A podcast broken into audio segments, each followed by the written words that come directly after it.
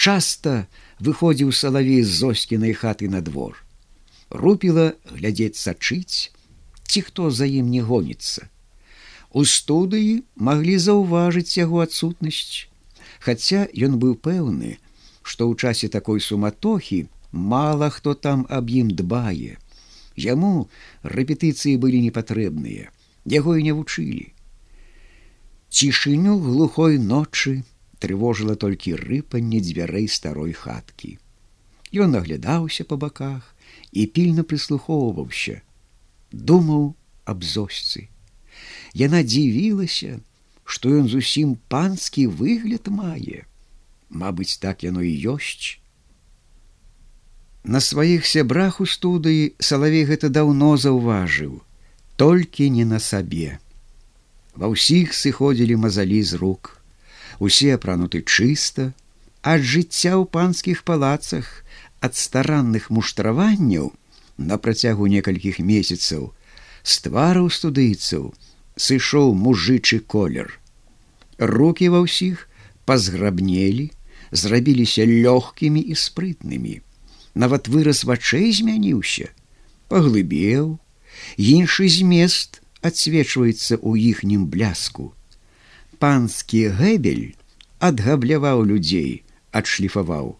Усе яны ўжо былі не такімі, якімі з'явіліся ў палацы. Салавей пачаў сябе аглядаць, ашчупваць. У першы раз за ўвесь час заўважыў, што сапраўды ён не той, якім быў хоць бы паўгода таму назад. Не дзіва, што Зоська не разумела яго некаторыя, як яна гаварыла панскія словы. Вялікую змену ў сабе ён адчуваў толькі цяпер, калі аб гэтым яму казала Зоська. Таксама цяпер толькі ён прыкмеціў, што Зоська простая, а маленькая убогая хатка душыць яго пасля вялікіх і пышных панскіх палацаў, хоць ён і ненавідзеў іх простая хатка здавалася яму канурою, у якой нельга жыць не то што чалавеку, але і панскаму сабаку. Ранейшага захаплення зочкай у яго ўжо не было. Тое імкненне бачыць яе, якое ён песціў у грудзях увесь час, як бы астыгла, по голасу, па вачах зочкі, па ўсіх яе рухах, Салавей адчуваў, што яна бачыць у ім гэтую змену. Жаль да зоскі агарнуў яго. Сінь ночы атуляла яго з усіх бакоў. Сінім колерам была афарбавана і вёска ваша міршчына, якая ўпіралася сценамі ў густых мызняк, і лес цёмна-сінім мурам маўкліва грозна глядзеў у закуранае хмарамі неба. Снег быў прухкі, хрусцеў задушаным стоўным пад кожным крокам, хоць салавей стараўся ступаць асцярожна і нячутна. У салаўя было спачатку такое ўражанне, нібы нешта украў у зочкі, украў самае лепшае і дарагое ў яе жыцці. Ён украў сваімі ўласнымі рукамі, але ў цішыні, як пачаў болей глыбока думаць аб гэтым, як гэта выйшла і чаму так здарылася, што зоська на яго пакрыўджанымі вачыма паглядае.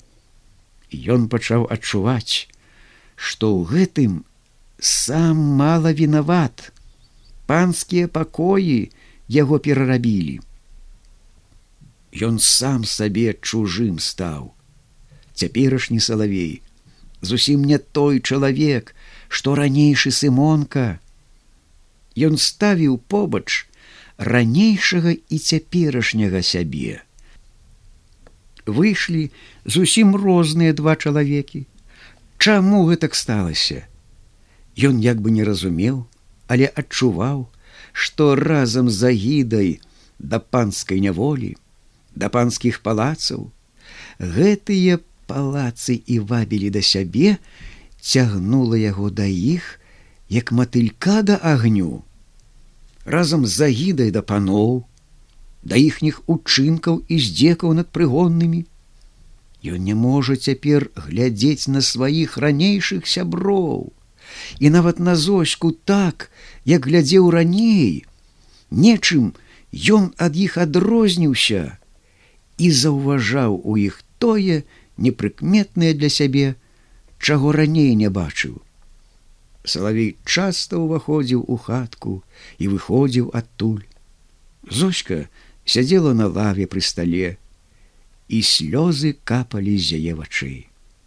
Ты, сымонка, не то пан, не то паўпанак, не то панскі слуга, скардзілася зочка. Яна аглядала яго з ног да галавы, прабуючы пальцамі яго чыстую, добрую вопратку. Ды я такі самы, такі, якім быў раней, апраўдаўся салавей з няўпэўнасцю ў голасе. Ты, ты чужы, чужы, строга, пра слёзы гаварыла зочка. Салавею веру большее словам, чымся сваім, як не стараўся ўгаворваць сябе, што не змяніўся, не змяніўся. Дык з гэтага нічога не выходзіла. Чужы, чужы. У душы салавей лаяў сам сябе за тое, што пайшоў сюды. Ён не думаў, што так прыкра яму тут будзе. Зоська часта мяняла лучыну, папраўляла яе з такім выглядам, нібы яна зоська адна ў хаце. Салавей прыслухоўваўся да кожнага шолаху, да малейшага скрыпу. Яго трывожыла тое, што зоськіна матка ляжыць на печы і пэўна не спіць. Як бы у адказ на яго думкі з печы пачуўся кашаль і спынілася сапенне спячай кабеціны. Мабыць, старая прыслухоўваецца да таго, што робіцца ў хаце. І зочка і салавей змянілі тон гутаркі на звычайны. Гаварылі аб розных рэчах, толькі не аб саміх сабе. Ім абодвум прыкра было, што іхняя гутарка не абыходзіцца без сведак, хаця салаўю як бы зрабілася лягчэй ад гэтага, бо лепш было гаварыць аб пабочных рэчах, чымся аб сваіх уласных. Словы зочки, чужы, чужы, сказаныя з балючай скаргай, увесь час звінелі ў яго вушах. Гэтыя словы, адбіваючыся на розныя лады, рэхам у сэрцы, псавалі яму настрой, труцілі кроў і набывалі той глыбокі трагічны сэнс, якога ён не зразумеў спачатку нешта падсвядомае, чаго ён не мог бы словамі сказаць, дыктавала яму, што ён зрабіўся чужым не толькі зосьцы, але і самому сабе. Яго нянавісць да ўсяго панскага была цяпер мацней, чымся раней, Аднак, нягледзячы на гэта, яго цягнула назад да панскіх палацаў, да іх раскошы з тым самым імпэтам, з якім ён некалькі гадзін таму назад краўся адтуль ішоў праклінаючы паноў і ўсё панскае.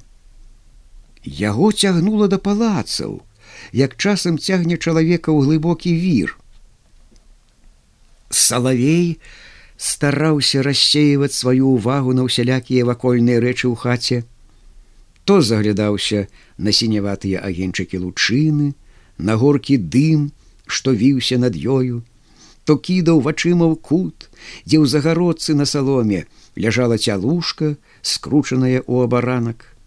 Цялушка стрыгла вушамі, утаропіўшы круглыя, нібы задумённыя вочы на агонь лучыны. Белы круглячок на лобе цялушкі блішчаў як снег і выглядаў прышытай латачкай з белага кужалю.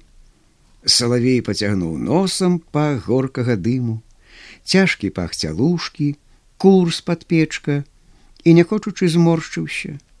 Ён даўно адвык ад гэтага, а зоська наглядала за ім і ўгадвала ўсе яго думкі, адчуванні. Нашто плод гарадзіць сымонка, ідзі ўжо да сваіх. Табе тут цяжка ў нас, ідзі сабе да сваіх палацаў на генеральнай рэпетыцыі. А што? усхапіўся салавей. Зоська расказала яму пра тое, як не пусцілі са студыі марыльку да паміраючай маці. Як каспара бацьку марылькі забралі ў двор на кару. У салаўя загарыліся вочы. Ён стукнуў кулаком аб стол, Няхай прападзе панскі маёнтак, жыць не буду, калі не адпомшчу за здзекі. Не вярнуўся ў тэатр. Старая прачнулася і зірнула з печы з палоханымі вачыма. Зоська абняла салаўя. Вось цяпер ты не чужы, шаптала яна, цяпер ты мой, наш.